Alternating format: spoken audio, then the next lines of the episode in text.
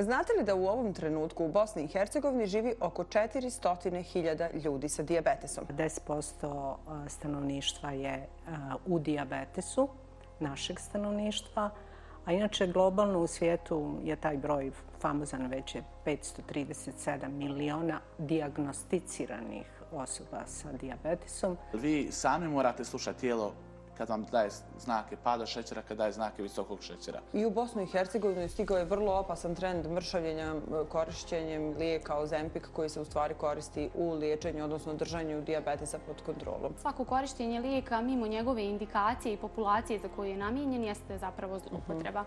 Treba ići te kakvu borbu. I borba je 24 kroz 7.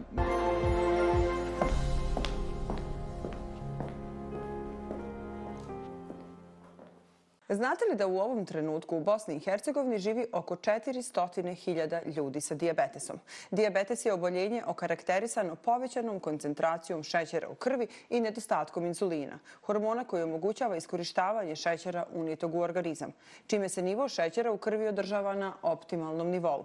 Poznajete li vi nekoga sa diabetesom? Diabetes je među pet uzročnika smrti u Bosni i Hercegovini, a osim zdravstvenih sa sobom nosi i ekonomske posljedice. Koliko košta život sa diabetesom? Kako izgleda? Kako im mi kao društvo možemo pomoći? Danas o ovoj temi u Oslobođenoj.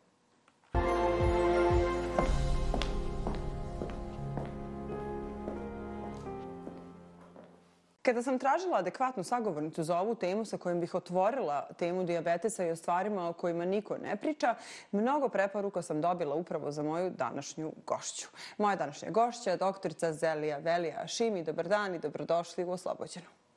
Dobar dan, hvala na pozivu. Evo, čuli ste ove podatke koje sam iznala na početku. Vjerujem da vi raspoložite i sa mnogo većim brojevima. Kakvo je stanje kada je u pitanju diabetes trenutno u Bosni i Hercegovini? Pa, nažalost, ta slika je onako sve dramatičnija, sve je veći broj oboljelih, jer se i životni vijek produžio, tako da e, raste broj progresivno e, po aproksimativnoj statistici 10% e, stanovništva je u diabetesu, našeg stanovništva, A inače, globalno u svijetu je taj broj famozan već je 537 miliona diagnosticiranih osoba sa diabetesom. Naravno, taj broj je mnogo, mnogo veći. E, upravo to me brine. Dok sam se pripremala za ovu emisiju, e, naišla sam na mnogo, mnogo podataka koji govore u prilog tome da je jako teško u stvari otkriti da imate diabetes i da trenutno 50% ljudi živi sa diabetesom, a da ni ne zna. Kako je to moguće? Nažalost, jeste, to je istina. I 50% oboljelih od diabetesa ne zna da ima diabetes iz jednostavnog razloga što e, klinička slika tog oboljenja vrlo često protiče bez ikakvih simptoma. I mislim, otprilike iz tog razloga je to e, dobio i naziv tih ubica iz razloga toga što se ne prepoznaje na vrijeme.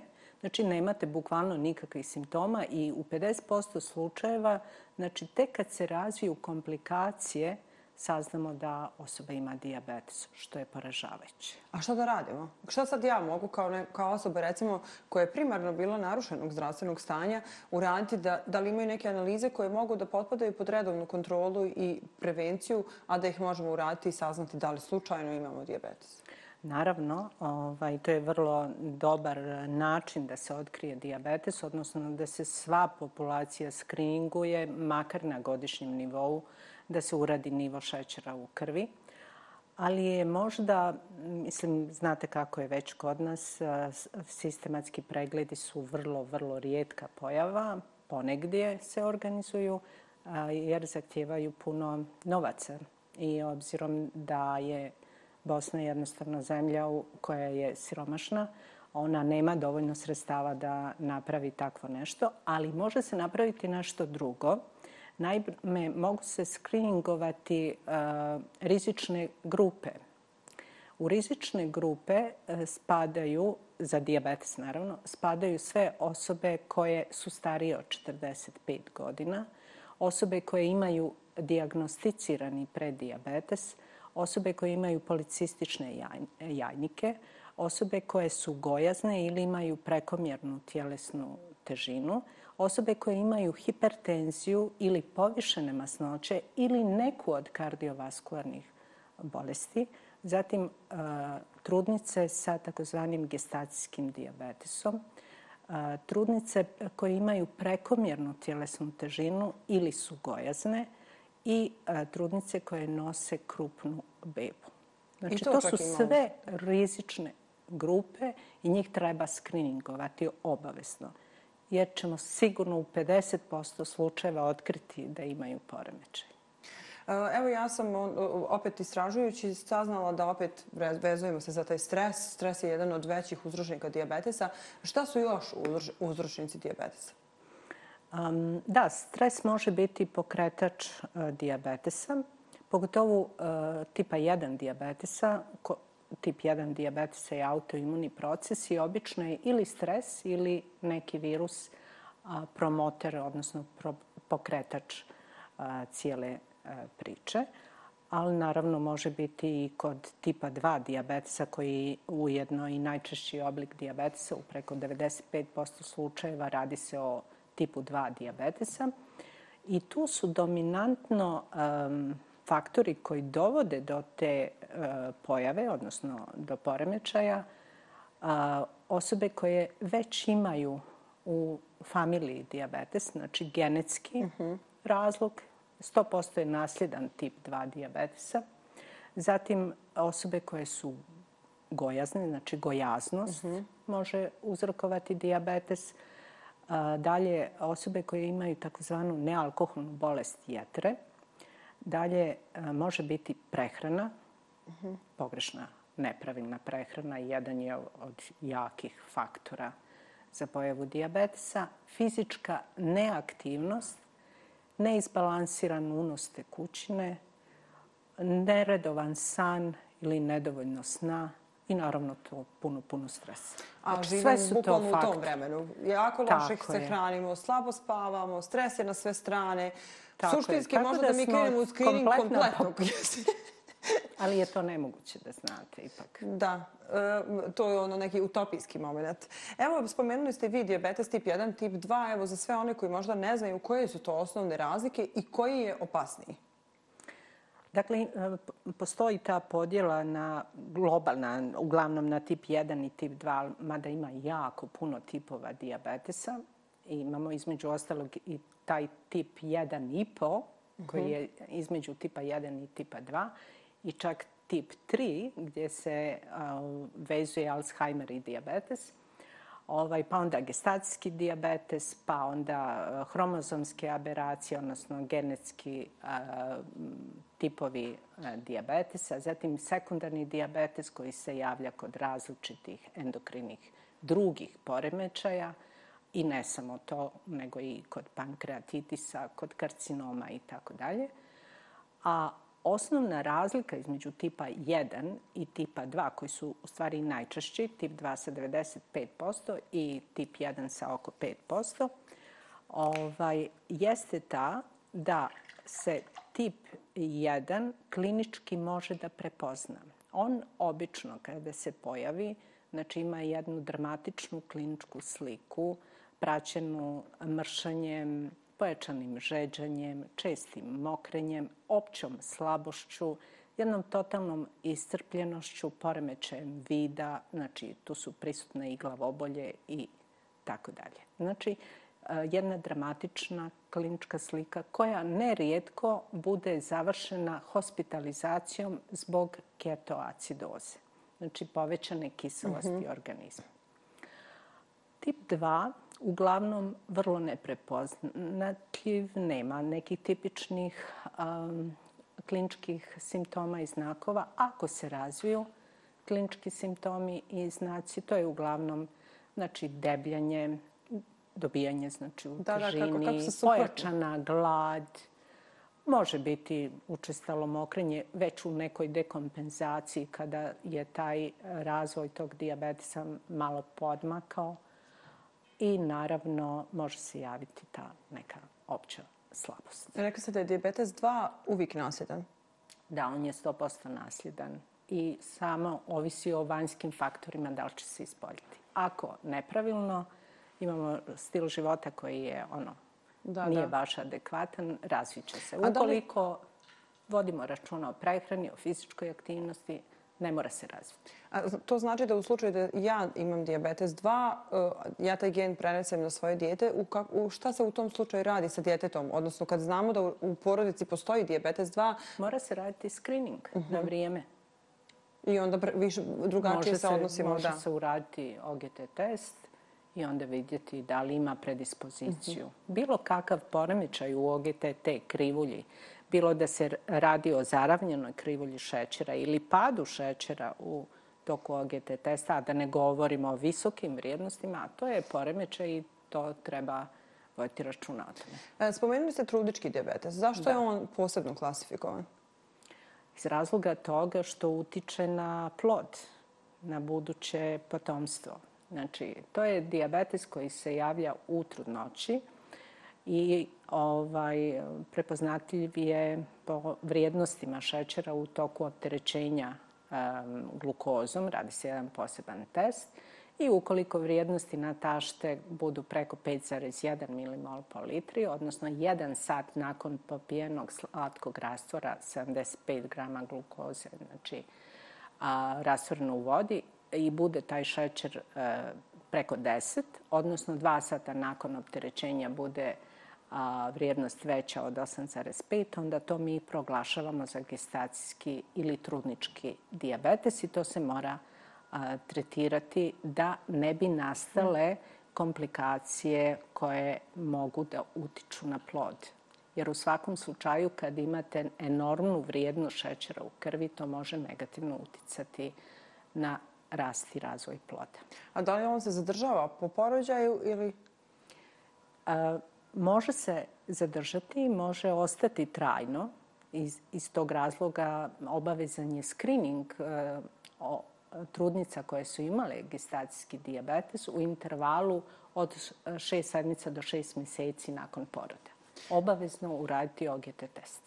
E, jedna od tema koja se jako često spominje jeste inzulinska rezistencija. Šta da. je to sad u tom cijelom kompleksu e, odnosa šećera u organizmu? Inzulinska rezistencija je zapravo početak razvoja tipa 2 diabetesa i ona e, podrazumijeva zapravo nedovoljnu osjetljivost naših prijem, prijemnika, znači prijemnika, staničnih prijemnika za ovaj inzulin.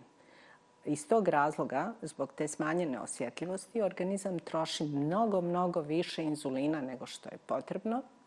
Imamo nekakav fenomen inflacije i -hmm. naravno poslije nekog vremena doći će do potr jednostavno do iscrpljivanja gušterača i više neće biti inzulina i to će dovesti do klasičnog diabetesa.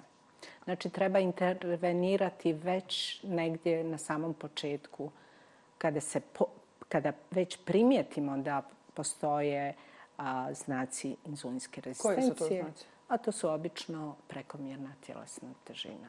E, evo, spomenuli ste gušteraču, s obzirom na to da sam ja dva puta prošla kroz dijagnozu kancera i sjećam se da su mi tad govorili e, kako u suštini možda i najgora od tih svih dijagnoza kada su u pitanju maligne bolesti jeste kada gušterača oboli. Da li uopšte, on to je organ koji najrijeđe, čini mi se, spominjemo, da li smo uopšte svjesni važnosti e, tog organa za kompletno funkcionisanje organizma? Pa izgleda da nismo, jer da jesmo, onda bi mnogo više vodili računa o našoj gušterači, jer nemilice je maltretiramo prekomjernim obrocima, nepravilnim obrocima, nedovoljnom fizičkom aktivnostima, sva što radimo, bukvalno. Ja da gušterača. Jeste, a ona je specifičan organ u našem tijelu jer ima dvostruku funkciju. Ima egzokrinu funkciju koja je vezana za lučenje određenih enzima koji pomažu varenje hrane i uh, ima endokrinu funkciju koji, to je segment koji je vezan za lučenje inzulina, za lučenje glukagona, jer to su dva hormona koje obezbjeđuju normalan nivo glukoze u našoj krvi. Tako da je jako, jako važan organ. I nažalost, vrlo često se dogodi da hiperglikemija kod karcinoma pankreasa bude jedan od znakova, a mi ne obratimo pažnju Da, da, nažalost. E, evo sad kad smo nekako prošli kroz e, definiciju diabetesa i kroz sve to što on donosi, e, kako izgleda liječenje? To je jedan dugotrajan, konstantan proces i da li postoji uopšte izlječenje diabetesa? Da. Uh, ovisi o tipu diabetesa. Znači, tip 1 diabetesa i tip 1 ipo diabetes ili lada diabetes, oni se liječe inzulinom i za sada nema alternative tu. Znači, inzulin je primarna terapija za tip 1 diabetes. Što se tipa, ali to ne znači da oni ne trebaju voditi računa o prehrani, o fizičkoj aktivnosti, o hidraciji, o urednom snu i tako dalje. Znači, sve ostaje. Znači, mora se voditi računa o svim segmentima pravilnog stila života. A tip 2 primarno se liječi E, promjenom stila života. Znači, kad ustanovimo diabetes, mi tek tada postanemo svjesni da smo sami uzrokovali diabetes, jer smo uzimali svašta, jeli svašta, nismo bili fizički aktivni, nismo se hidrirali, nismo imali ovaj, uredan san i imali smo puno stresa. Dakle, promjena stila života je prvi korak.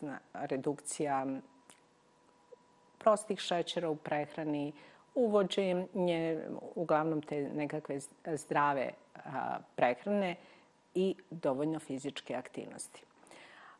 Ako to ne pomogne nakon 3 do 6 mjeseci, onda se uvodi medikamentozna terapija koja je u početku kod tipa 2 diabetesa oralna, odnosno u vidu tableta, a kasnije, ukoliko to ne bude dovoljno, onda se uvodi injekciona terapija od e, vrlo popularnih sada tretmana sa GLP-1 receptor agonistima pa do inzulina.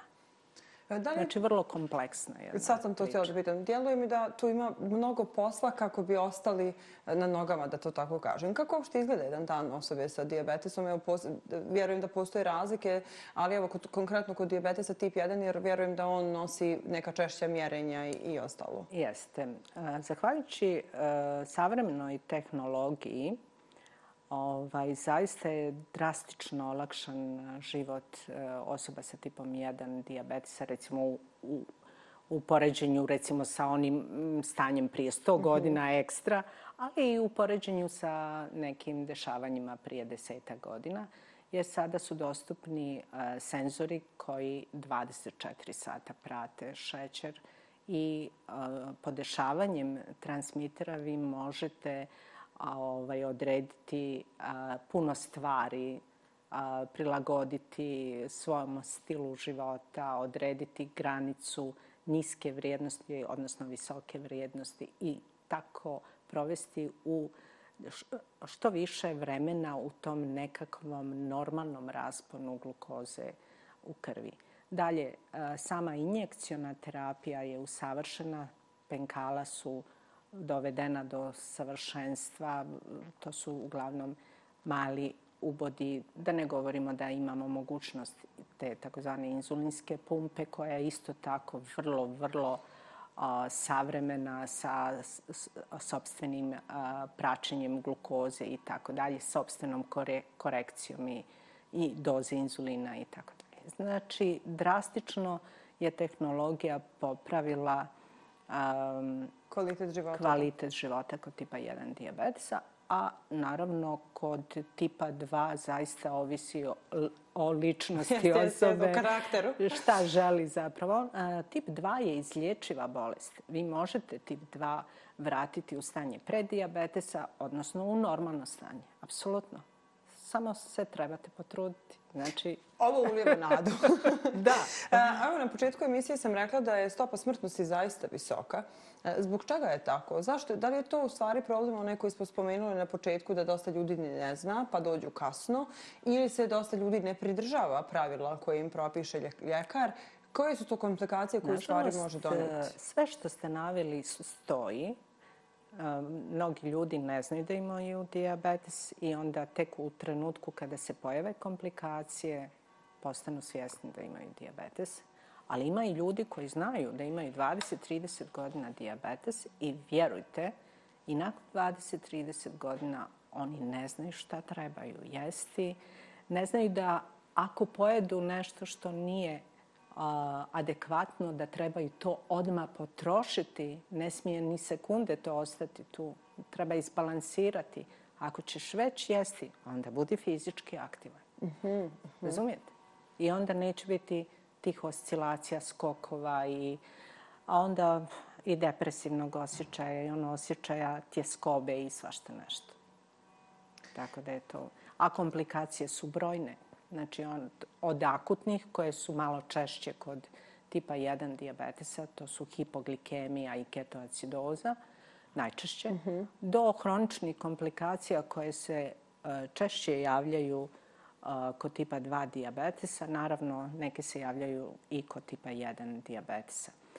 E, te hronične komplikacije, one su te koje mogu dovesti do povećane smrtnosti i tako dalje. I one su podeljene u dvije velike grupe.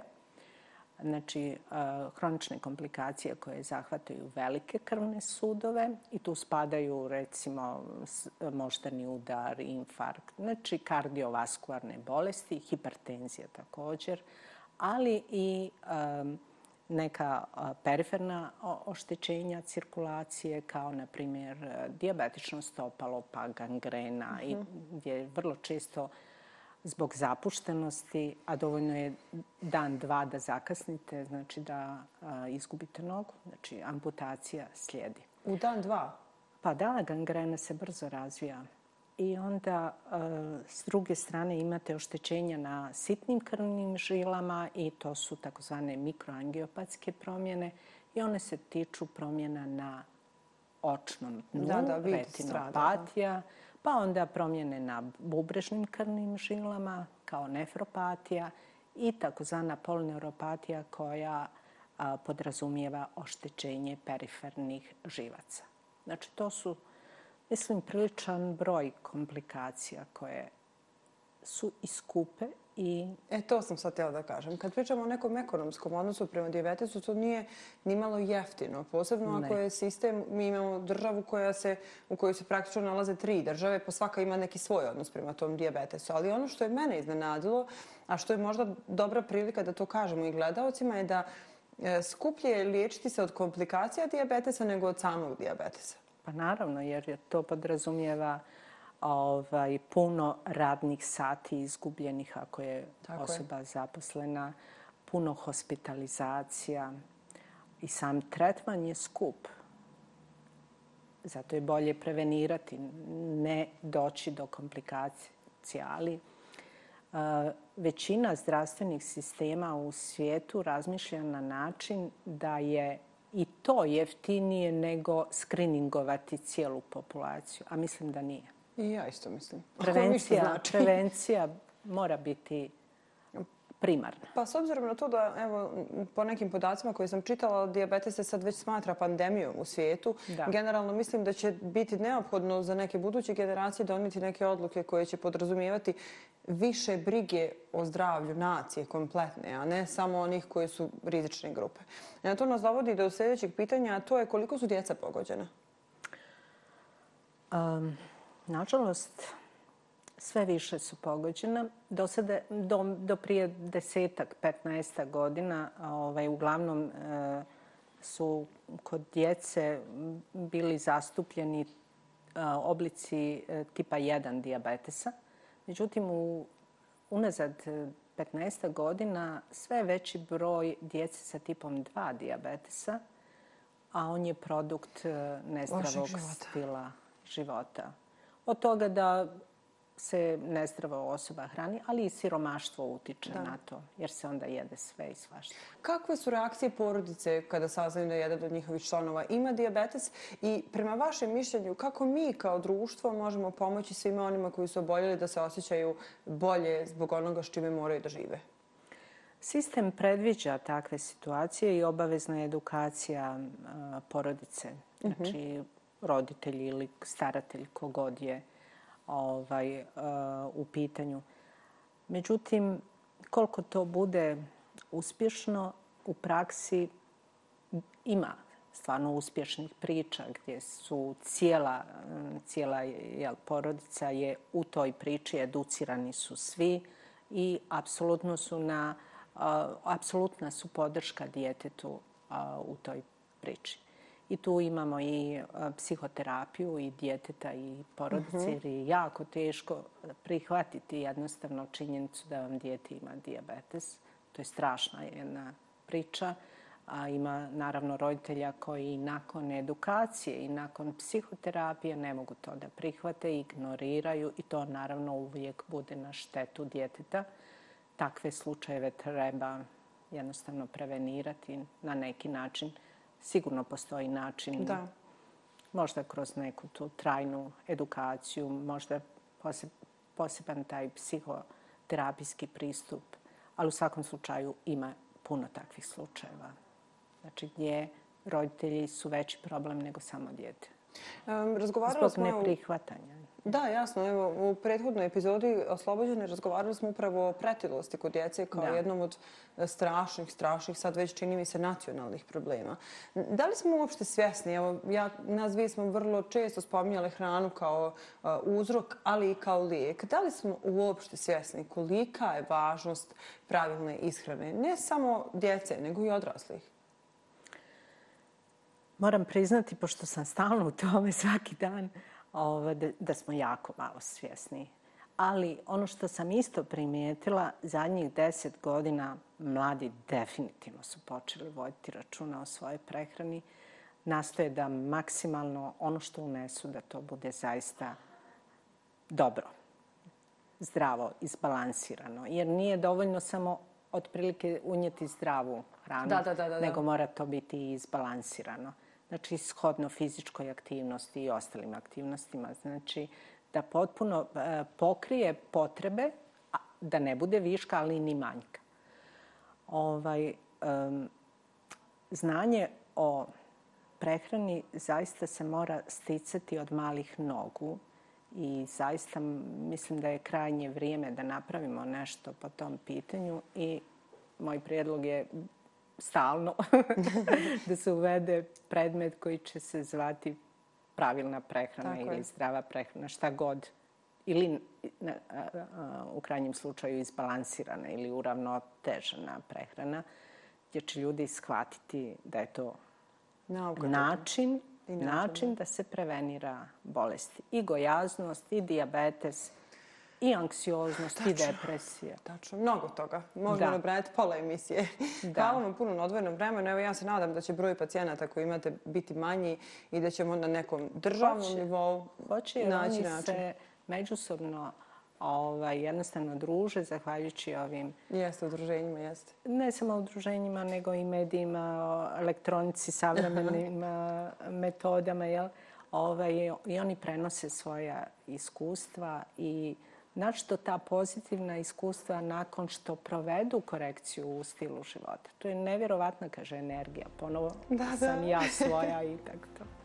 Hvala vam još jednom hvala, hvala što ste bili dio oslobođeni. Hvala. Evo, još jednom se potvrdilo da je najbolje da počnete na vrijeme, ako ništa, da pazite šta jedete, da ne biste počeli da jedete iznutra sami sebe. Fizička aktivnost, dovoljno sna i sve ono što može da nas učini zdravima za neku budućnost koju bi bilo dobro dočekati zdravo.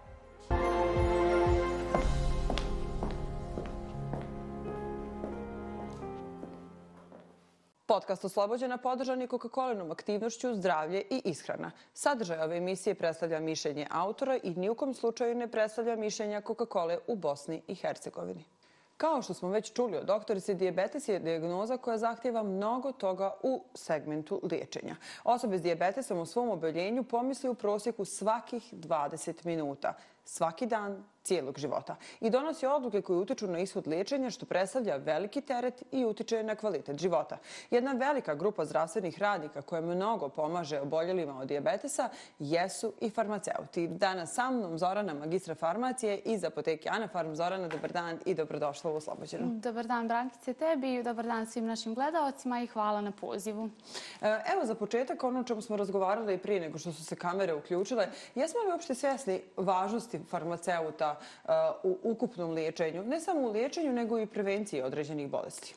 Eh, smatram da u suštini nismo još uvijek dovoljno svjesni toga koliko su farmaceuti eh, važni u zdravstvenom sistemu i koliko su upravo zapravo eh, dostupni pacijentima, odnosno kao ta neka prva linija između pacijenta i lijeka i dalje ka ljekaru. Mi ih usmjeravamo svakako u ostatak zdravstvenog sistema. Mada smatram također da nakon epidemije COVID-a se to drastično počelo mijenjati. Mislim da je glavni uzrok strah koji pacijenti osjećaju Uh, prilikom odlaska u ambulante koji su svakodnevno pune ljudi uh, da bi mogli da se zaraze, dobiju neku virozu, gripu um, ili nešto što je trenutno da ovaj da kažem aktuelno. Ali ovaj mislim da je i uloga farmaceuta tu jako važna, odnosno samo vaše predstavljanje pacijentu i to koliko on vidi da se vi trudite i da ste zainteresovani za njegovo stanje, da, da i to dosta doprinosi tome koliko će se on u buduće vama obraćati kao zdravstvenim radnicima, jer stvarno postoji dosta situacija koje mi da možemo da riješimo adekvatnom suplementacijom, savjetima, e, dosta da radimo na prevenciji da ne bi došlo do nekog oboljenja, ali svakako da radimo u, u, u svojim okvirima. Da Tako kažem, kada vidimo da nešto nije za nas, da zahtjeva ljekara, usmjeravamo pacijente ljekarima i onda, ovaj, ali svakako tu ne završava naša uloga, mm -hmm. nego pacijenti kad dobiju terapiju opet dolaze nama, tu kreće savjetovanje o tim lijekovima prema njihovim neželjenim efektima, navikama koje bismo mogli mijenjati, možda postepeno kasnije isključivati neku terapiju. E, tako da u sve u svemu ja se nadam da, će, ovaj, da ćemo stvarno da dobijemo to mjesto u zdravstvenom sistemu koje mislim da zaslužujemo. Da, definitivno. Vi sigurno imate veliki utjecaj ne samo na prevenciju, već upravo i na to rasterećenje e, zdravstvenog sistema u smislu čekovnica, ljekara, termina i ostalog. I tu sad dolazimo do današnje teme oslobođene. E, koliko često se susrećete u apotekama sa oboljelima od diabetesa? Nažalost, diabetes je oboljenje koje je e, danas sve više i više zastupljeno. Sve više je posebno mladih osoba, e, mogu reći i djeci koja se suočavaju sa tom bolešću. Mogla bih reći negdje da četvrtinu pacijenata koji nam svakodnevno e, uđu u apoteku budu u stvari pacijenti oboljeli od diabetesa. Baš Odnosno, pacijenti koji ili imaju preddiabetesno stanje ili imaju već postavljenu dijagnozu diabetesa ili da kažem tako imaju tendenciju tendenciju ka e, tom oboljenju zbog nekih loših navika. Mislim svakako da mi možemo to i da vidimo kroz neki taj, ovaj, da kažem, e, sama gojaznost je neki vrlo značajan faktor koji mi možemo svakako da ovaj, uočimo. Prvo na pacijentu, ali ovaj, mislim da tu i treba da djelujemo e, negdje ovaj, da kažemo a šta mislite malo da promijenimo način ishrane, da povećate svoju fizičku aktivnost, znate šta se sve dešava, koliko je stopa oboljenja i ostalo, tako da ovaj, sve u svemu jako veliki broj e, što je poražavajuće. A kako reaguju ljudi kad im tako skrenete pažnju? Čini mi se nekako da na ovim prostorima mi baš nismo skloni tome da kao joj vidi sad nje šta se pravi pametno. Ono, prodajem tu ljekovi, sad će ona meni reći da ja treba da kao skinem kile. Jeste, upravo to. Ovaj, e, prvo ja se naježim na tu rečenicu kad mi neko kaže vi tu samo prodajete. Da, Onda ovaj, prva moja replika je ne, ja ne prodajem, ja izdajem lijekove i trudim se da vas savjetujem onako kako sam ovaj, naučila i tokom fakulteta i svog obrazovanja i kasnije svakako svakodnevne edukacije su pred nama. A, tako da ovaj, u suštini e, mislim da nekad naiđemo na takve reakcije, ali svakako da ima i ljudi koji su zahvalni mm -hmm. na tome što se zalažete za njihovo zdravstveno stanje i koji vas poslušaju u suštini da i urade nešto sa, sa sobom. Jedan od dijelova prevencije, evo malo prije sam baš sa doktoricom pričala o tome koliko bi nam dobro došao jedan nacionalni državni screening eh, na temu diabetesa, jer ono što je mene u stvari fasciniralo jeste što je skoro 50%, slučajeva, 50 slučajeva neotkrivene dijagnoze diabetesa. Vi često u Anafarmu imate besplatna mjerenja šećera, eh, čini mi se sigurno jednom mjesečno, ako ne i češće. Eh, da li ste tu nailazili na slučajeve koje ste morali da pošaljete dalje na liječenje, ljude koji se šokirali činjenicom da imaju taj problem i slično? Jeste, stvarno trudimo se e, da često organizujemo ta besplatna mjerenja, ali svakako da i kad nam se pacijenti mimo tih besplatnih mjerenja obrate za mhm. ovaj, da li radimo, da li vršimo tu uslugu u apoteci, svakako da im kažemo dođite naredno jutro, e, nemojte ništa jesti, mora se mjeriti na tašte i ostalo. Ja sam recimo imala jedan e, slučaj gdje je pacijentu bio povišen nivo šećera u krvi prilikom upravo takvog jednog vida mjerenja, gdje smo imali tu neku radionicu za savjetovanje. On onda sam se dogovorila s njim da pratimo taj šećer nekih narednih sedam dana od prilike. Bilježili smo dnevnih tih vrijednosti i onda kad sam vidjela da ta glukoza u stvari ima samo tendenciju rasta, pacijenta sam posavjetovala da se javi prvo svom porodičnom ljekaru, da se odradi neke druge detaljne analize. I onda mi je on nakon nekih par mjeseci došao sa hrpom nalaza i kao samo da vidite da nisam odustao. I u suštini to je ono što vas hrani. Da, da ovaj, na kraju dana i ovaj, zbog tog jednog pacijenta može njih 50 da mi kaže da ne treba yes. ja tu nešto da pričam, ali dođe taj jedan koji vam ovaj bude zahvalan i za kojeg ste stvarno nešto uradili i onda to ovaj, na jesam kraju je najbitniji. Jesam me dobro razumjela, on je dolazio sedam dana kod tebe u apoteku jeste, da, i ti si ga jeste. pratila. Jeste, i svako jutro sam umjerila šećer, bilježili smo taj njegov dnevnik, da kažem tih vrijednosti, ovaj, onda sam mu rekla da s tim ode kod svog porodičnog ljekara i onda su dalje ovaj, urađene Svaka neke analize. Evo, ponosna sam na tebe. Hvala. E, da li su nam u Bosni i Hercegovini dostupni svi ljekovi koji su, na primjer, dostupni u Evropskoj uniji? E, šta nam nedostaje i kako tebi sa aspekta farmaceuta izgleda to sve u smislu liječenja? E, ovako, što se tiče dostupnosti e, lijekova, e, mi stvarno imamo dosta lijekova koji su registrovani kod nas od strane naše agencije za lijekove i medicinska sredstva koji se koriste u terapiji diabetesa. E sad, e, dostupnost sama lijekova nekad bude problematična, e, pogotovo e, zato što u poslednje vrijeme imamo tu zloupotrebu o kojoj svi e, da, pričaju, svuda se jest. piše jeste. Ja sam primijetila, recimo, u poslednje vrijeme dosta naših ljekara pacijentima uvodi jedan lijek koji još uvijek nije registrovan kod nas i e, znam iz priče pacijenata da se za sad nalazi u Srbiji ga nabavljaju jer je tamo registrovan, a stvarno je pokazao dobre efekte ne samo kod pacijenata sa diabetesom, nego kod pacijenata sa srčanom insuficijencijom i hroničnom bubrežnom insuficijencijom, tako da se nadam da će ovaj nekako zalaganjem ljekara i svih ostalih u zdravstvenom sistemu da se dođe do toga da taj lijek bude upravo registrovan i kod nas. Ja, Čitala sam dok sam se pripremila za emisiju da je u suštini najgore što jedan jedan, jedna osoba sa diabetesom može da uradi jeste da preskoči terapiju. Koliko to opasno može biti? A, pa, e, mislim, generalno, e, u suštini vi kada iskontrolišete nešto jednim lijekom, ako prestanete da ga koristite, možete imati e, samo taj nagli skok, odnosno pogoršanje svega onoga što ste postigli kroz taj neki duži vremenski period. Svakako da, mislim, može se pacijentima desiti da preskoči jedan dan dozu ili nešto. Uglavnom, tu dolaze nama da nas pitaju kako da mhm. nastavljaju dalje taj svoj režim doziranja lijeka, mislim, samo je bitno u suštini da se što prije uzme ta ovaj, tableta ili primjeni insulin ili koja god da je grupa lijekova za diabetes, tako da u suštini ovaj, E, najgore bi bilo taj neki duži prekid terapije. Taj preskok jedne doze, recimo da ne može da napravi toliko neki veliki problem, ali samostalno isključivanje terapije bez nadzora ljekara svakako da može da vodi ka nekim e, još lošim stvarima od diabetesa, jer diabetes sam po sebi nije izolovano oboljenje. On može da vodi ka drugim komplikacijama, naročito kardiovaskularnim, e, imamo diabetesnu neuropatiju, retinopatiju. Sve su to oboljenja koja nastaju kao komplikacije dijabetesa ukoliko uh, ga ne liječimo u stvari. E, kako izgleda jedno mjerenje šećera? Sad recimo to što radite u apoteci. Moram doći gladna, odnosno ne smijem ništa jesti? Jeste. Piti. Jeste minimalno 8 sati nakon ovaj posljednjeg obroka može da se vrši mjerenje, odnosno vrši se na tašte. To je zapravo ono što mi uh, radimo u apoteci i obično kada imamo upravo ta besplatna mjerenja, pacijente obavještavamo o tome nekih 7 dana prije. Mhm, jer dođe vam mhm. neko u apoteku ko nije znao, pa da, da. doručkovao je, popio je kafu i ostalo, pa onda to baš i nije relevantno mjerenje, ali kažem opet uvijek ukoliko je zainteresovan možemo se dogovoriti za neki drugi dan mimo te ovaj, radionice koju vršimo. Evo i ti si malo prispomenula, nekako mislim da je to možda i najvažnije ako si rekla mnogo toga pametnog do sada. E, I u Bosnu i Hercegovini stigao je vrlo opasan trend mršavljenja korišćenjem lijeka Ozempik koji se u stvari koristi u liječenju, odnosno držanju diabetesa pod kontrolom. E, da li si imala takvih slučajeva? E, šta taj lijek u stvari znači i da li su ljudi uopšte normalni? To je možda moje najbolje najbolje pitanje. Čita li iko e, objašnjenje nus pojave i ostalo koje se nalazi već u samom lijeku? E, ovako, taj opasan trend, kako si ga nazvala, ja bih prije rekla da je to zloupotreba lijekova, jer svako korištenje lijeka mimo njegove indikacije i populacije za koje je namijenjen jeste zapravo zloupotreba. Uh -huh. To koliko je to opasno za ljude koji ga koriste mimo nadzora zdravstvenih radnika, isto toliko je opasno i za ljude kojima on čini sastavni dio terapije, a koji su ostali bez lijeka upravo zbog te zloupotrebe.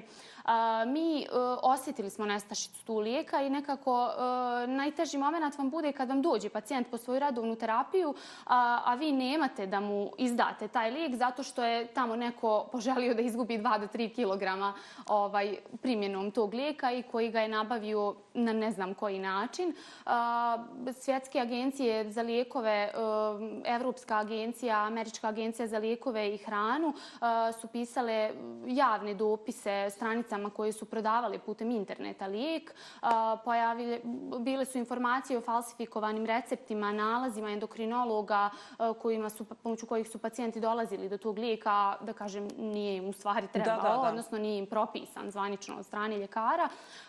Čak su bile i studije, odnosno članci objavljeni o e, falsifikatima lijekova. E, naime, ove godine u oktobru e, Evropska agencija za lijekove je slala dopis svim agencijama za lijekove e, nacionalnim, e, između ostalog i našoj agenciji za lijekove, e, gdje, gdje se pojavio falsifikat Ozempika od 1 mg, gdje je spoljašnja ambalaža praktično ista.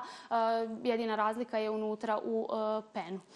Ono što je meni fascinantno jeste da ljudi krenu da kažem da uzimaju neki lijek, ajde popiju tabletu. Ali Ozempik je lijek koji se primjenjuje podkožnim injekcijama. Mislim, prosto morate, znala, da. da, prosto morate biti obučeni za takav način davanja lijeka i uh, prosto dokle nam ide taj svi, ta svijest naša da smo spremni uh, da sebe bodimo, da kažem, samostalno zarad tog nekog cilja koji uopšte nije, nije nimalo opravdan. I koji se dešava, rešava uh, regulisanjem ishrane. Jeste, jeste, ali mi uvijek težimo ka nekim instant efektima. Prosto está takvi smo. To je u, u ljudskoj toj nekoj, da, u ljudskom DNK, da kažem. Kakve o... efekte može imati e, uzimanje lijeka Ozempik ukoliko vam nije propisan nalaz? A, generalno, svaki lijek može da ima svoje, pored terapijskih efekata, i svoje neželjene efekte. Bilo da je on uveden i od ljekara, niko vam ne garantuje da nećete je. imati neželjene efekte.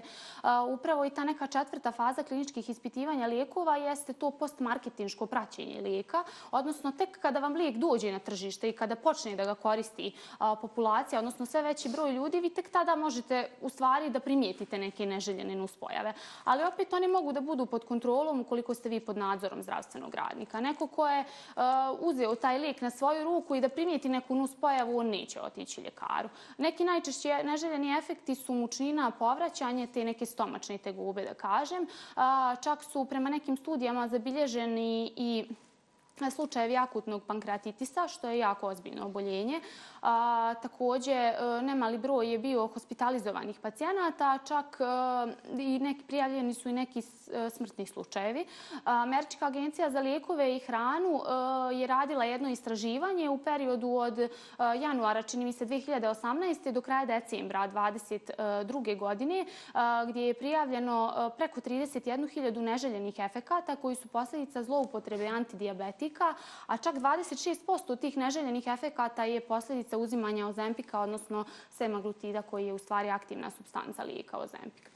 Tako da, ja, ja se nadam da će tebe neko čuti danas. Da. Jer, mislim, sve ovo što si rekla i meni nikad u životu ne mi palo na pamet da to uradim, ali me prepadne na prvu jer kao ne mogu uopšte da vjerujem da, da, da ne postoji zdrava da. svijest od prilike. E, mi smo u jednom momentu imali e, dosta pacijenata koji su dolazili iz Srbije kod nas sa urednim nalazima endokrinologa i privatnim receptima, da kažem gdje vi možete da vidite u stvari da pacijent ima dijagnozu diabetesa, sve je to jasno navedeno, jer je tamo negdje počeo više taj trend. Mislim da toliko nije izražen kod nas koliko u zemljama regiona. On se izdaje isključivo na recept? Jeste. Jeste. E sad kad smo kod te e, teme zloupotrebe ljekova, e, nisam sigurna kako je to vani. Evo, dešavalo mi se recimo da u Hrvatskoj Loli zatreba antibiotik i nema šanse da ga dobiješ bez recepta. Bez obzira, čak i da poznaješ vlasnika apoteke, da je situacija hitna, treba ti nalaz ljekara. E, nekako mi se čini da smo mi mnogo spremniji da sebi a, uključimo i neke stvari koje ne trebaju recept, tipa defrinol, tipa svih tih nekih analgetika, o antibioticima da ne pričam. Da li smo mi uopšte svjesni o, štetnu negativnog utjecaja lijekova na naš organizam i koliko u stvari oni šta god da poprave sigurno imaju neki utjecaj na nešto drugo? E, da. Što se tiče toga, e, generalno mislim da jesmo svjesni. E, s tim da uvijek poželimo te neke instant efekte koji će riješiti naš simptom, a uzrok nikad ne tražimo. Sve dok nam nešto rješava simptome, nas uzrok ne zanima. Što je pogrešno? Mislim, vi možete uzeti analgetik, možete uzeti neki drugi lijek koji možete da dobijete bez recepta na savjet, kažem, farmaceuta ne nekog prijatelja, poznanika, kume i ostalo, nekog ko je koristio taj lijek i da u stvari uz tu neku ograničenu primjenu koja je opravdana, vi ne možete imati neželjene efekte. Mm -hmm. Svakako uvijek se mogu pojaviti alergijske reakcije i ostalo, ali kažem, mi se trudimo i bar ja u svojoj praksi kada ovaj, izdajem lijekove koji um, pacijenti mogu da dobiju bez recepta, to jeste te UTC lijekove i dodatke prehrani, da bez obzira što oni mogu imati manje neželjenih efekata, ispitam pacijenta o njegovim bolestima, da li pije neku terapiju, da li tu ima nekih interakcija, da vidimo šta je odgovarajuće za njega. Svakako da ovaj, ni takav lijek ne može da dobije ako nema osnova da ga koristi. Odnosno, ako ne prepoznamo simptome kroz priču s pacijentom, e, da li uopšte ima potrebe da koristi taj lijek, onda kažemo, znate, nima potrebe za, za tim, dovoljno vam je ovo, hajte pijte to neka 3-4 dana, ukoliko se ne poboljšaju simptomi, dođite, vidjet ćemo šta ćemo dalje. Ako se stanje pogorša, svakako da ćete se javiti ljekaru. E, evo, Zorana, za kraj, e, rekla si toliko toga pametnog, iskreno se nadam da će doći do onih kojima je potrebno. Šta bi ti poručila svima onima koji svaki dan žive sa diabetesom? Šta bi bio tvoj neki savjet iz prakse? Što se tiče pacijenata oboljelih od diabetesa, nešto što im svakodnevno govorimo jeste da e, moraju redovno da mjeri šećer, da e, prati te vrijednosti, da bilježi sebi, da vodi svoje dnevnike. Svakako jako je bitna i regulacija krvnog pritiska na sve to, odnosno da prati i vrijednosti krvnog pritiska, da su fizički aktivni, da paze na svoju ishranu, da terapiju piju onako kako im je savjetovano, da vodi računa o tome da na vrijeme uzimaju svoju terapiju, da ukoliko primijete bilo šta od nekih neuobičajenih efekata, e, recimo kao što su pojačana žiđ, učestalo mokrenje, e, neke alergijske reakcije, bilo kakve nuspojave na lijekove da se javi. Prvo nama, onda mi gledamo šta dalje, ovaj, da li je to za ljekara, da li je to nešto ovaj, što možemo mi da riješimo u svojoj praksi. A, svakako da ovaj, uvijek informišu farmaceute o lijekovima koje uzimaju a, kada navode neke situacije koje im se jave, jer lijekovi koji se koriste za liječenje diabetesa na duže staze imaju imaju svoje neke neželjene efekte koji adekvatnom suplementacijom mogu da se riješi. Recimo, pacijenti koji koriste dugo metformin, pod, imen, pod zaštićenim imenima je Siofor, Glukofaž, Fordex ili mm -hmm. ostalo. Mislim da će lakše tako prepoznati da, da, da, da. gledalci nego da ovaj, po toj aktivnoj substanci. On vremenom može da dovede do gubitka vitamina B12 iz našeg organizma. Tako da pacijenti nakon nekog vremena imaju hladne ekstremitete, trnjenje u rukama. Onda sve to može nekako da se riješi suplementacijom tog vitamina B12. Opet kažem, ima lijekova koji mogu dovesti do sklonosti ka urinarnim infekcijama, pa onda uvijek prilikom izdavanja lijeka to, takvog lijeka pacijentu, a, konkretno to je jedan lijek koji se koristi za diabetes, a, uvijek navedemo to, pa ukoliko prepozna te simptome da se javi ljekaru, da prosto to jeste nuspojava e, lijeka, ali koja može da se riješi tako na vrijeme, je, nije razlog za isključenje lijeka. Ali opet kad uputite pacijente i kad oni znaju šta mogu da očekuju, opet oni to lakše prihvate nego, ka, ovaj, nego kad oni sami to nešto otkriju pa vam se nakon naknadno jave. Tako da mislim eh, da je ključan taj prvi kontakt eh, vaš sa pacijentom koji, koji ima tek postavljenu dijagnozu diabetesa kad dođe kod vas da digne terapiju, odnosno da podigne svoju terapiju i lijekove, eh, način na koji ćete mu vi predstaviti te lijekove je jako bitan i onda će on i u budući za neke svoje probleme da se vraća vama jer stiče povjerenje u vas, a onda tu dolazimo do tog i rastrećenja zdravstvenog sistema i do toga da će pacijenti da steknu sve više povjerenja u vas kao zdravstveni rad radnike. Hvala ti Zorana i srećno u daljem radu. Hvala tebi također. Evo, čini se da su krajevi svih onih reklama koje smo redovno gledali. Potražite savjet farmaceuta definitivno tačni. Pronađite farmaceuta kojem vjerujete, posebno ukoliko imate dijagnozu diabetesa i potražite savjet jer najgore je ne znati, bolje je pitati, odgovor sigurno neko ima.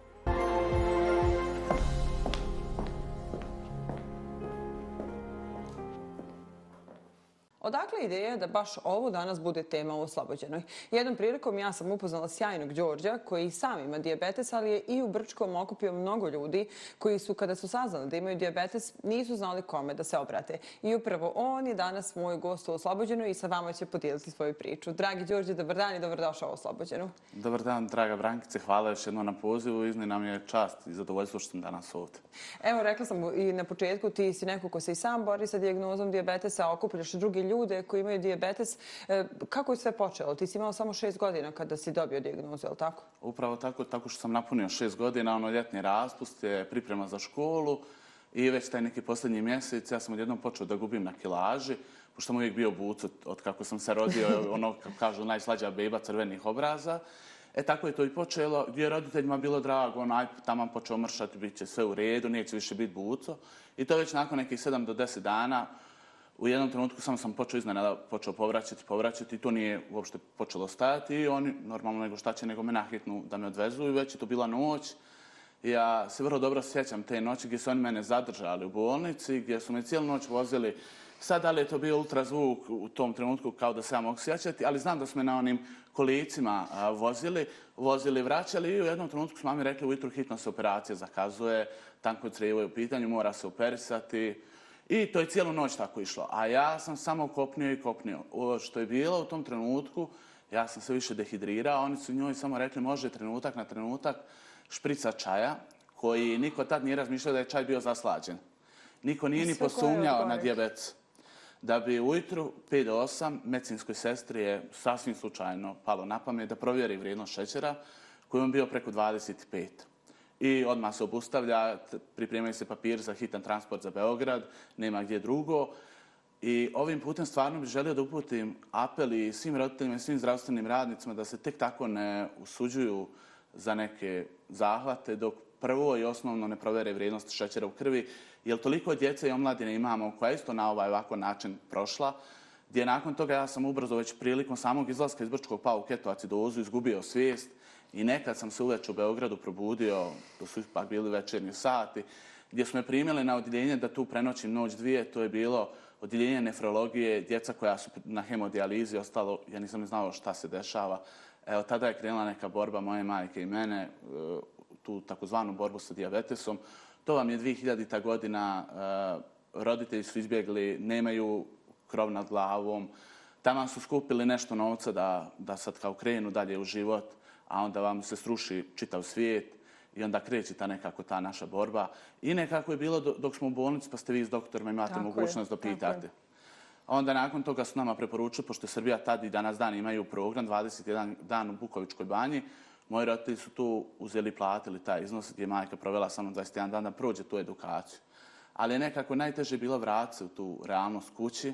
Vi se vratite u neko manje mjesto gdje ste prvo djete sa diabetesom, pa onda krenu razne priče. E, da, će, da će me ostati željna, da će me izgubiti kad, kad je budem najdraži, da se nikad neću moći ženiti, da nikad neću moći svoj porod ostvariti. I to je tako išlo vremenom, ali e, ta edukacija gdje je ona upoznala toliko osoba uh -huh. iz Srbije i sve, kad jednostavno vidjela sa tim doktorom da se život ite kako može nastaviti, ali ono što je bila neka, ajde da kažem, naša, pa možemo reći, odskočna daska, pogotovo za nju, jer su oni u tom periodu počeli razni travari da, da, da. sve to, oni su potrošili jedan čitav stan vrijednosti tada, ali meni u tom periodu počeo imunitet naglo da pada. Ja sam 7-8 puta u kratkom periodu na pedijatriji završio, jer imunitet padao, nisu znali šta mi je, da bi se ispostavilo zbog imuniteta, ja sam razne alergije dobio. U tom trenutku sam bio na sve alergičan, osim na ambrosiju. I u tom trenutku nam uh, kažu da u Brčkoj ima doktorca koja je internista, koja je sama osoba sa diabetesom, i onda je tata zakaže nama pregled i mama je sva ušla uplakana tad. E, on je dobio diabetes. Da, znači nema šta ne govore. Da bi doktorca i danas dan se prisjećamo toga imala svoj nastup i ustali za stola, pa šta, imam ja diabetes, pa mi šta fali? Koliko jedna takva osoba promijeni put u stvari? Apsolutno. I onda je uzela tada nazvala osobu koja je tad imala nekih 40 godina, koja je imala sina mojih godina, koji isto kao dijete dobio dijabetes, hvala Bogu, ženio se, dobio dijete, dijete moje, da kažemo, zdravo. Znate kako je kad jednom takvom roditelju pokažete nekoga da u životu može sve?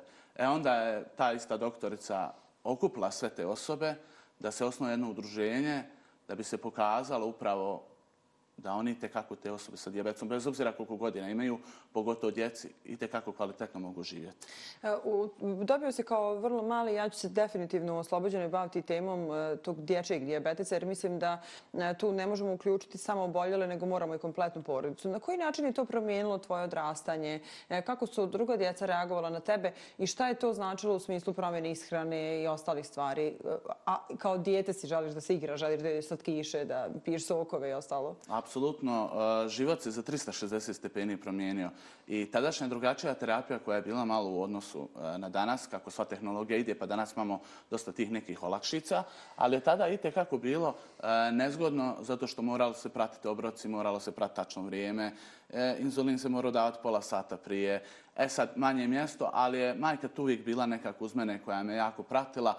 E, da ne izgubim to neko svoje djetinstvo u tim momentima gdje ajde da završimo sad doručak na vrijeme, da ti možeš izaći napolje, da se možeš igrati, ona je tu uvijek bila, gdje je vodila taj neki nadzor. U početku u školi je bilo malo teško, e, ali s druge strane je meni bilo olakšica, jer je učiteljica imala diabetes tipa 2, koja do tada uopšte nije vodila računa, Tek kad sam ja dobio pojavu, onda je ona počela malo o sebi, pa je onda kroz školu počela edukacija i onda je to malo sasvim drugačiji bio pogled u školi. Dotad je bilo da se ja izlačim, da imam probleme, ali ja sam u jednom trenutku imao preko 200 izostanaka zbog bolnice, zbog svega i zbog tog pada imuniteta, ali onda stojite kako promijenilo, e, gdje ja se sjećam i danas dan, to stalno prepričam, prve moje ekskurzije, jedan dan u Sarajevo smo dolazili ovde i škola nije htjela mene da pusti dok majka ne ide u pratnju. To nije ekskurzija. Niće ikad, biti, niće ikad biti ekskurzija. Ja i danas dan e, stalno govorim, pustite djecu, oni moraju biti djeca. E, tu je ona, ali vi niste opušteni. E već od drugog razreda sam već krenuo sam ići na, na jednodnevne ekskurzije, posle kad su bile maturske i sve to. Jednostavno, djetetu date tu neku snagu, ili djeca ite kako mogu. Bez obzira koliko su oni mali, oni vrlo lako prihvati tu neku odgovornost. Tako da, e, nekako, trudila se u jednom trenutku, onda smo mijenjali mjesto stanovanja, e onda je udruženje počelo s radom, pa ja kad završim školu, odem kod nje do udruženja, vratimo se kuće ručam, ona mene vrati na tenis, da sam i kako sportom se bavio, ali ona žela. To, to je bio usklađeno onako dan, ali da nekako imam ispunjen svoj život, da s druge strane vodi računa o ishrani, da imam ovamo fizičku aktivnost, da terapija bude u redu. Stalno smo bili na vezi dok sam ja u školi, ona nije htjela da od mene pravi invalida, da ona sjedi ispred učionce, nego je htjela od mene da stvori jednu ozbiljnu osobu sutra kroz život koja će sama boriti. I uspjela je. Evo, danas kada si ti odrastao čovjek, razgovaraš li kad sa njom o tome koliko je bilo teško sve to? Da li, ona, da li su naše majke, roditelji spremni da podijele e, koliko su određene situacije kroz koje smo mi prolazili bile teret za njih? Pa mi smo, nažalost, razgovarali do skoro, pošto moja majka iznenada preminula u jako augustu. E, tako da smo mi, ja i diabetes je nas povezao, ja to često volim puta reći, mi dovoljno je bilo da se pogledamo i smo znali šta jedno drugo misli. Jako teško je bilo, ne mora vam nekad roditelji reći, ali vi vidite po njima koliko oni kopne, koliko propadaju. E, uh, ona je prvi napad žuči imala u banji, prvi nervni slob je imala u banji, zato što ne možete podnijeti da vam je dijete dobilo jednu neizlečivu dijagnozu. Pogotovo u tom periodu kada nije bilo interneta, kada nije bilo komunikacije. Danas je to nekako dosta olakšano. Imamo dosta tih nevladinih organizacija uh -huh. koje rade na polju diabetesa. S druge strane imamo dosta Facebook grupa koje, pa možemo reći, našu XU regiju okuplja, gdje vi u grupi, dok ležite u bolnici, javite se u toku grupe, da vam se počnu javljati roditelji, koji su isto tako djeca počeli dobijati, pa imamo od par mjeseci, pa da ne govorimo stariji, i onda počnu svoje fotografije stavljati djece kako rastu, kako se normalno razvijaju. E, roditeljima je kako teško. Ono, zato je ona se trudila s te strane da okuplja sve te majke i ona ima jedan krug koji je ostao iza nje i oni se svaki 14. u mjesecu druže u prostorijama jer ona je htjela da njima bude najveća podrška. Kada izađu iz bolnice, da imate neko ko će vas zagrliti, ko će vas utješiti, da kažu desilo se, desilo u redu, prihvatimo, ajmo nastaviti dalje. Da. Nema stajanja. Jer su imali dosta uh, roditelja koji su bili pred razvod braka, jer je sve bilo u pitanju, e, nisu se majke mogle pomiriti. Imamo roditelja koji su prodavali sve živo, ne bili našli lijek, ali onda s druge strane vi ste tu da kažete nema, nažalost, lijek ne postoji. Ovo što je, to imamo, ajmo to, nemojte prodavati, obezbijedite mu s druge strane neku budućnost. Tako da ona se uvijek trudila da ih ona dočeka kada izađu iz bolnice, obavi neki razgovor s njima, da im bude to neko rame za plakanje i da plaču zato što plaču, nažalost, to je tako djete a onda u kratkom periodu okuplja ostale majke i djecu da pokaže da nisu sami, da imaju jedna drugu, da su jedna drugo je najpreče. Ona je išla sa te neke psihološke strane, jer je najbolje znala šta je biti majka i kako se nositi sa tim teretom. E, dosta puta e, smo vodili razgovore i znala je plakati.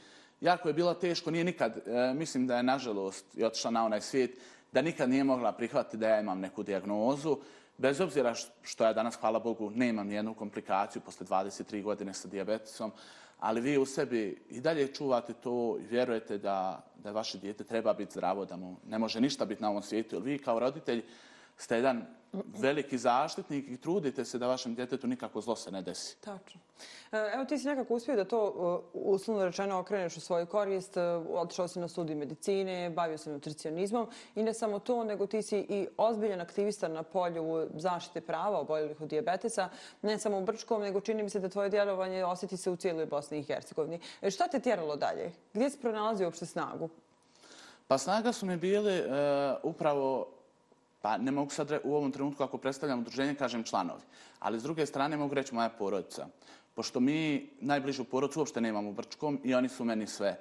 I najljepši i najtužniji moment u mom životu, ja sam s njima dijelio i danas dan se to dešava, oni su ti e, koji mene guraju iz dana u dan, nimalo nije lako, puno je obaveza, ali kad imam njih koji i kako vjeruju, pa imamo od dvije godine pa do 90, da kažemo, koji vas e, prihvataju kao svog člana porodice i vidite da ono što radite je upravo za njihovo dobro.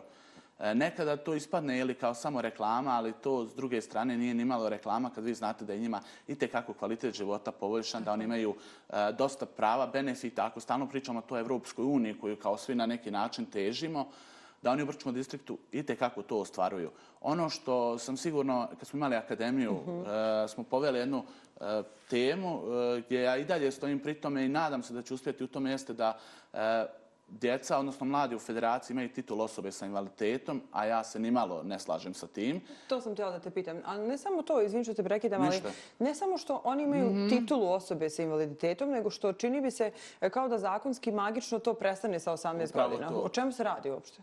Pa e, radi se o tome da je nekad su bila prava do 15 godina, pa su u posljednje vrijeme na 18, pa kao sa tim smo zadovoljni. A ja uopšte ne mislim tako, zato što diabetes neće prestati sa Da, da, 18. kao, dobro jutro, imaš 18 godina i nemaš više Nema, dijabetes. ozdravio se. Ne, ja čak kažem da tek ozbiljniji proces kreće kad napunite 18 godina. Treba period zabavljanja, izlazaka, odlučite se, hoćete studirati u drugi grad, drugu državu, hoće vas dijabetes da sputava na tom polju, hoćete da se zaposlite. Mi imamo uh, toliko mladinaca koji danas voze kamion po inostranstvu. Ili ja sad trebam njima reći, e, ne možeš, ti imaš dijabetes. On mora otići zaraditi. S- Zato s te strane ja govorim njima ne treba prvo ta titula koja vam danas daje u ovom jednom trenutku toliko benefita ako pričamo o financijama, jer vi imate e, dobar Da, da. dio financija to primanja, a onda kad vam taj iznos stvarno posle treba, vi ostajete, nije samo da ostajete bez financija, nego bez svih mogućih prava. Imamo toliko kantona u federaciji gdje nakon 18 godina pitanje koliko trakica imaju. Iglica za davanje inzulina. Da je to. šta država daje uopšte? Evo sad kad ti poznaješ taj cijeli sistem, šta u Bosni i Hercegovini, evo sad kad izvučeš neki prosjek, šta osoba e, koja bole od dijabetesa ima od zdravstvenog sistema? Pa to nekako dijelimo na 13 podjela. Bože, dragi, ova zemlja, ova zemlja. Upravo tako, zato neko što... majka, neko maćuha. Upravo to. Ako pričamo sada o federaciji, ona ima svoj zavod federalni koji ne mora i ne obavezuje uopšte ostale zavode da to isto bude na listi. Tako da, ono, zavisno koliko su udruženja angažovana u svom kantonu, takva su prava. Tek imamo sad pojedine kantone koji se po nekim stvarima jako bu bude, da kažemo. E, s jedne strane, ja sam malo, e, morat ću priznati, ljut na svoje kolege, koji se tek lako, olako prihvataju, ma dobro do 18 godina, daj, ajde dobro pa ćemo se posle boriti. Nema stajanja. E, najlakše je sjeći nešto, ništa od toga nema. Treba ići te kakvu borbu.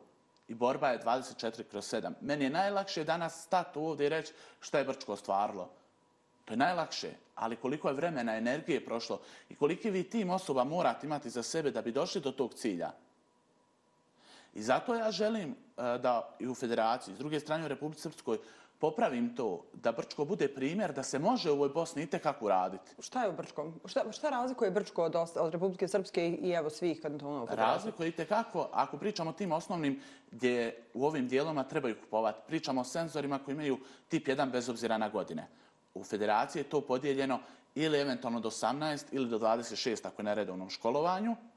Evo sad smo dobili dva ili tri kantona koji imaju isto taj tip 1, bez obzira na godine. Republika Srpska je dobila sad 18 godina, kako će ići ne znaju ni oni. Kad je riječ o trakicama koje vam trebaju, ako nemate senzore da se vodete svakodnevno, nemate dovoljnu količinu, a u Brčkom imaju. To znači da se može. Upravo tako. Ako pričamo o tim iglicama i pričamo to nekom upustu da svaki ubod mora nova igla biti, to u Brčkom postoji. A imamo negdje gdje vam daju sedam maraka za mjesec dana za iglice, a 30-40 maraka košta jedno pakovanje koliko vama treba. Koliko puta dnevno moraš da se bodeš? Minimalno četiri puta dnevno. To je bez korekcije, to je osnova tri obroka i jedan dugodjelujući inzulin koji uveče se daje. Jel ti, da li si imao neke dane kad ti je to sve bilo naporno? Naravno. I tekako, uh, bilo mi je onako perioda u životu kad je, dok senzori se nisu i tekako pojavili, koji kontinuirano mjere nivo šećera, uh, E, mi je bilo više preko glavi tog stalno e, bockanja, kakav je sa šećer, pa zašto je ovako, pa milion pitanja sami sebi postavljate. Pa jeste li dobro obračunali dozu, pa šta, e, pa šta smo jeli, pa kakva je ta hrana bila, pa jesmo imali dovoljno fizičke aktivnosti, šta je uticalo? I onda dođete u jednu situaciju da ne, ne možete više, jednostavno umorili ste se više od svega i od stalnog bockanja, od stalnog računanja ugljenih hidrata i kad će mi sljedeći obrok biti, kako ću jes, kakav sam danas, kakav sam ustao, jesam raspoložen. Nažalost, dijabetes je jedno tako stanje gdje sve utiče na to. Evo, danas snijeg je počeo padat, pa i to na dijabetes može uticati. A onda kad su došli s druge strane, ali nikad opet sebi nisam dozvolio da sebi ne dam inzulin. Jer sam i kako znao da će to napraviti Samo ogromnu tebi štetu, štetu. samo meni, nikom više, mom tijelu, a gdje je što život je kao ispred mene u tom periodu i te kako bio, neću ja sa 20, 25 godina imati ogromne komplikacije. Kad treba, naj, kad najljepše je. treba da uživamo u životu, kao i moja generacija. A kako si, baš to sam se htjela da pitam, kako si kombinovao, mislim i ti si izlazio, nisi spavao, gomila neke stvari, mislim to prosto ide sa tim periodom. Kako ljudi sa dijabetesom prolaze kroz tu neku adolescenciju? Prolazite kako dobro, uh, jer ja rijetko, uh, rijetko poznajem koju osobu sa dijabetesom da nije dosta zrelija odnosno svoju generaciju. Da, vi morate da odrastate ranije. Upravo, dosta, dosta ranije. Jer vi sami morate slušati tijelo kad vam daje znake pada šećera, kad daje znake visokog šećera. Ok, savremeni uređaj u redu roditelji, ali vi sami. S druge strane, preuzmate odgovornost kad krenete u školu. Hoćete da, da izlazite s društvom, vi morate imati odgovornost da znate kad vam je loše, da li ćete uzeti nešto kad se igrate na polju. Da, da. Gdje je onaj period kad počnemo se družiti pa hoćemo prespavati kod druga, drugarice, morate nositi inzulin sa sobom, morate aparat, sa hvala Bogu imamo ove senzore, pa oni su povezani, opet s druge strane mogu biti povezani s roditeljima i tekako šalju im alarme. Ali to vas tjera da vi odrastete. Onda eh, ono što sigurno, ja uvijek kad sam izlazio, je da sam uvijek sam sebi vjerovao. Nikad se nisam prepuštao okolini nečemu da me nosi. Ok, noćni izlazak, ali sam uvijek znao dokad je ta neka granica u redu, morate popiti piće dva sa društvom, ne možete biti izaći u diskoteku ili izaći s djevojkom, izvesti djevojku na večeru, a vi da pijete vodu. To ne ide jednostavno. Ma ide, samo što kod nas ne ide. Ali- Šta fali vodi? Ja uvijek pijem vodu. Ne sad uvijek, da ne bude sad kao da pretjerujemo. da, ali ne, nekad, nekad treba pružiti sebi Odlično, e, malo. da zato što neće društvo da tek tako prihvata neke stvari. Odbacit će vas u jednom trenutku, a da vi i niste svjesni toga. Onda ste ovako dio toga, odnosno vi sami ne treba da pravite razliku između ostalih. To što u jednom dijelu vaš pankreas ne ispušta dovoljno inzulina ili ga nema, vas ne pravi nikakvu razliku između bilo kojih drugih osoba u vašem društvu. E, to nas zavodi do sljedećeg pitanja. Da li postoje neke predrasude u društvu u vezi oboljelih od dijabetesa? Da li ti to bila otežavajuća okolnost, evo recimo u emocionalnim odnosima, u prijateljskim i tako dalje? Apsolutno. Mislim da se u Brčkom i kako to s vremenom malo promijenilo, ali imamo dijelova Bosne i Hercegovine i kako gdje je prisutno. Ja sam imao djevojku koja je sa mnom bila na godine, studirali smo medicinu, gdje mene pitala a kako ti planiraš sutra osnovati svoj porodicu ako će ti dijete dobiti dijabetes? Ali vi jednostavno morate znati šta ćete u tom trenutku toj osobi odgovoriti i znate šta je vaš put, šta je vaš cilj. Šta ako vi znate. odgovorio? Pa da sigurno sa njom neću porodicu osnivati i da onda može biti mirna, sigurno da, da to dijete neće imati dijabetes. A ja ću s druge strane pobriniti kad budemo osnivao svoju porodicu, da li će to moje dijete imati ili neće imati. Da, ljudi A- nekad ne razmišljaju uopšte o posljedicama stvari koje pitaju ili koje Ne, komentarišu. ni malo. Gdje je da danas imamo predrasude da će vam nekad otet uh, slatkiš iz ruku, a možda vam taj slatkiš treba život. Da. Zato što mi imamo u našoj percepciji, imaš šećer, ne smiješ slatkiše jesti. To je gotovo. A to nije tako. Apsolutno. Danas ono što sigurno nova ishrana govori je da nije vam ništa zabranjeno, ali se zna šta treba u kojim količinama uzeti. Naravno, naravno. U, Umjerenost. upravo tako. Ta neka, pardon, zlatna sredina je najbolja u svemu. Pa tako i u ishrani.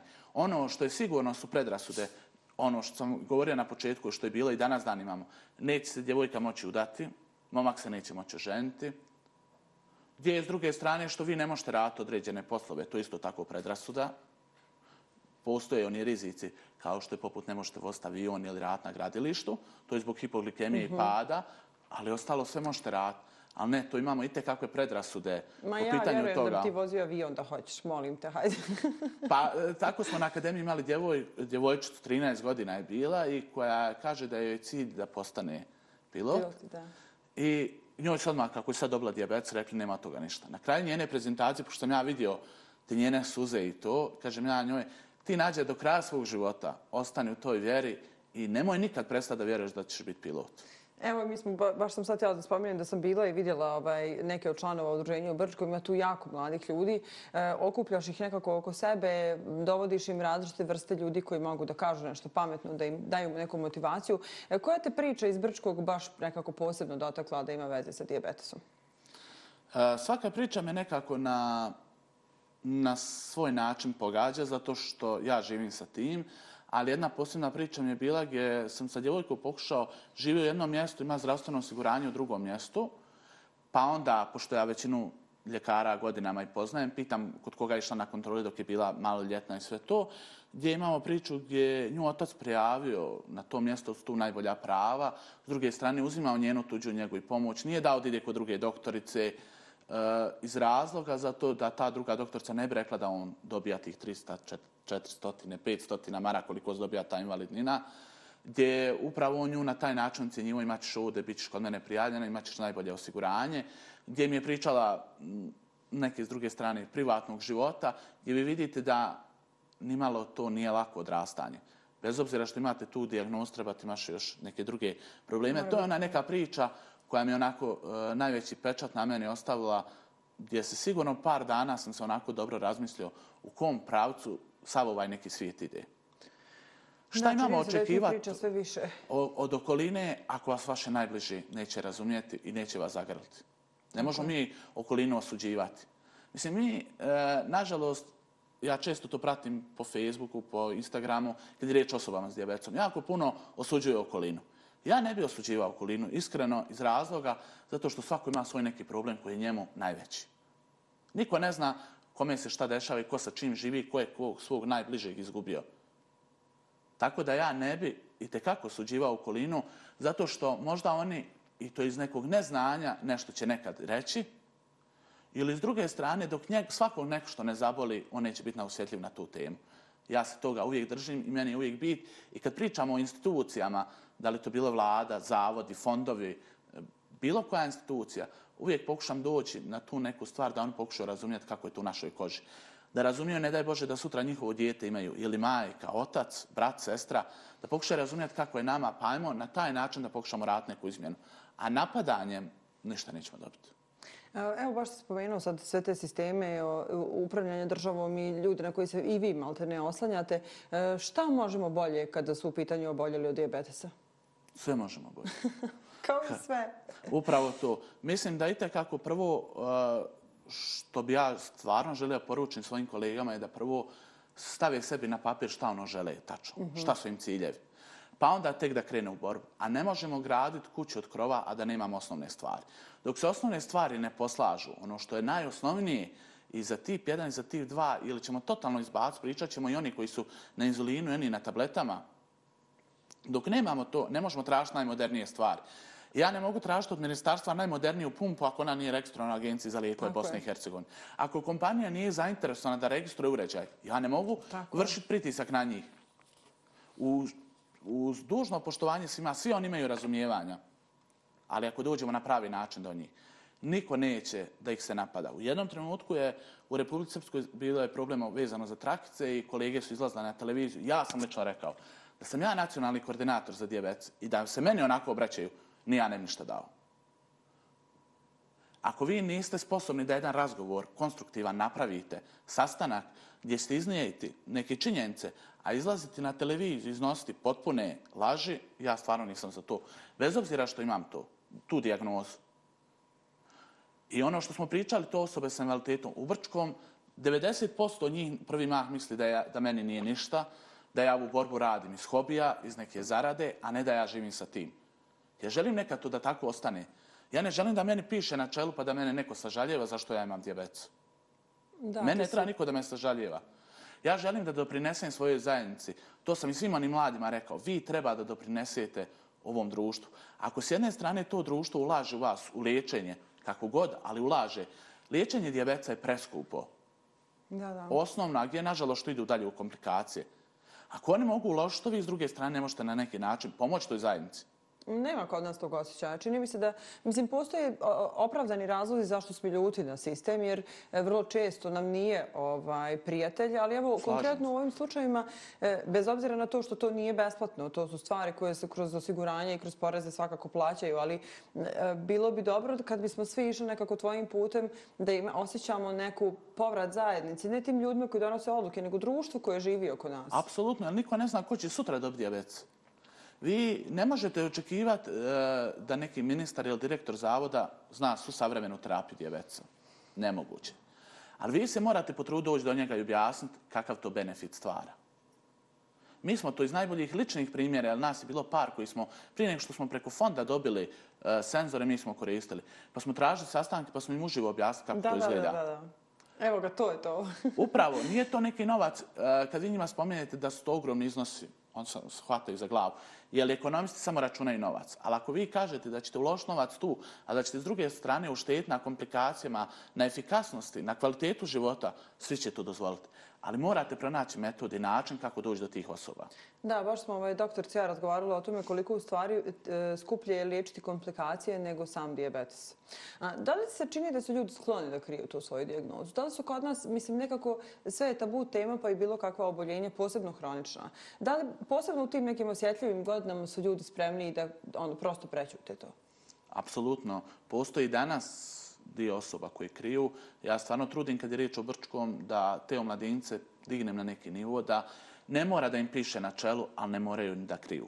Ono što ja stalno spominjem i govorim, e, nemojte robovat dijabetu pa da vam izostane sav život i mladost, a ne možete se ni ponašati da ga nemate. Mi imamo, nažalost, par osoba koji itekako kriju, ali se oni po svemu primijete, jer Brčko je malo mjesto, pa i u velikim gradovima se to vrlo brzo sazna, oni e, ne, ne uđu u taj neki kolosijek kao što uđemo mi, odnosno brzo se izborimo za neke stvari. Završimo kvalitetnu školu, srednju, ako ne planira na fakultet, upišemo fakultet s druge strane, obezbijedimo ta neka stanja s druge strane, sposobni smo za život, za neku kompletnu organizaciju, a kod njih se to i kako primijeti, oni su uvijek poučeni, nisu s društvom, e, jednostavno osjeti se taj njihov Isključivo, nedostatak. da. Upravo, zato što nisu proveli vrijeme sa istim osobom, da im daju tu snagu i vedrinu. Da, da, da. Ima- Mislim da, mislim da u meni u stvari kod uh, vas koji ste oboljeli od dijabetesa uh, najljepša stvar, ako se to tako može reći, jeste što na sve strane postoje ljudi koji se okupljaju. Čini mi se da bi nam u Bosni i Hercegovini ta grupna terapija, odnosno grupe koje se razumiju međusobno, uh, mogli mnogo toga da promijene kao što to radite vi. Apsolutno, kad bi u svakom mjestu bilo, pa da li je to najmanj, najmanji gradić, Da, da. opština, nebitno koja bole i stanje bilo, na takav princip radili, koliko bi se promijenila generalno svijet, s druge strane koliko manje je bilo depresije. Tako je.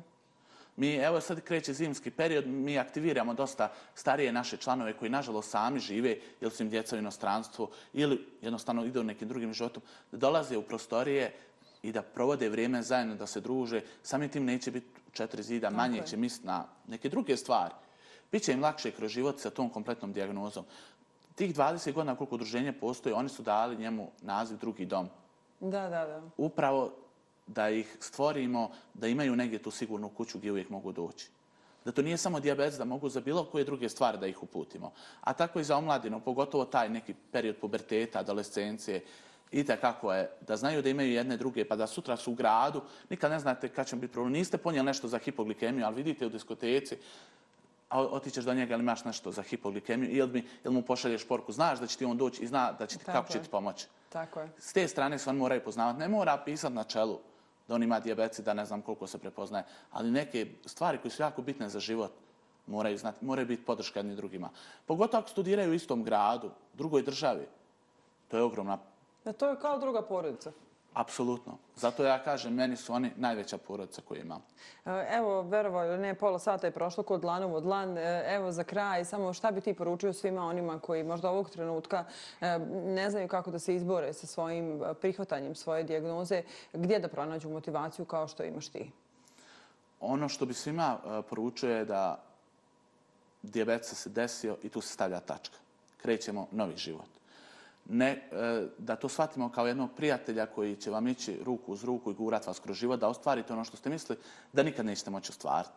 Da koliko god da je nekad teško, da su nepre, neprospavane noći, da je puno borbe i te kako to se vidi i prepoznaje. S druge strane, vi sami morate znati da diabetes vam treba biti prijatelj, a ne neprijatelj ne trebamo provoditi vrijeme kukajući nad svojom sudbinom, nego uhvatiti se u koštac i da ostvarimo ono što nikad nismo zamislili da ćemo moći ostvariti. Jer i tekako osobe sa diabetesom ostvaruju, ruše mnogo toga. Ono što, ako u svojim gradu, svojim zajednicama nemaju osobu, ja sam uvijek dostupan na društvene mreže, posle svake nekih mojih emisija meni se često javljaju, ja sam tu za bilo kakav savjet, za bilo kakvu podršku, da znaju da mogu, da moraju naučiti život. Roditelji se moraju vratiti poslu, djeca se moraju vratiti školi. Samostalnost. Upravo to. Svi moraju voditi svoj život. Roditelji kad tad moraju krenuti na svadbe, izlaske, svojim prijateljima. Ne mogu samo sjeti u kući i vis na djetetom, a i djete mora biti svojom generacijom. Tako da nemojte misliti da je diabetes nešto najveće zlo koje vam se desilo, jer i tekako većih zla u ovom svijetu, nažalost, postoji. Sa diabetesom se može i tekako kvalitetno živjeti, iako nekad u jednom trenutku možda nismo svjesni, ali može. Hvala ti, Đurđe, Primer, primarno za sve što činiš i što činiš ovo društvo boljim. Želim ti da ti diabetes ostane prijatelj, da nemaš apsolutno nikakve komplikacije i želim ti e, da ti što manje članova dolazi u udruženje, jer će to znači da smo našli način kako da ga preveniramo, a ne da samo brojimo oboljeli. Hvala tebi još jedno na pozivu, hvala na ovim željama. Ja e, tebi želim sav uspjeh u ovom svijetu, o emisiji posebno i svim onim što se baviš. Hvala još jedno. Ja ću dozvoliti da Đorđe odjavi ovu emisiju jer ja ništa pametnije reći ne mogu. Vas ću samo podsjetiti da je u redu da posjetite i naše druge podcaste. Like, share, subscribe i sve ono što Omladina danas radi kada se nađe na YouTube-u. Nemojte zaboraviti da pogledate i prethodne epizode jer Oslobođena je donijela mnogo toga novog na ovu eru medijskog svijeta. Vidimo se sljedeće sedmice prijatelj projekta. Mtel, najbolja mreža u BiH. Thank you.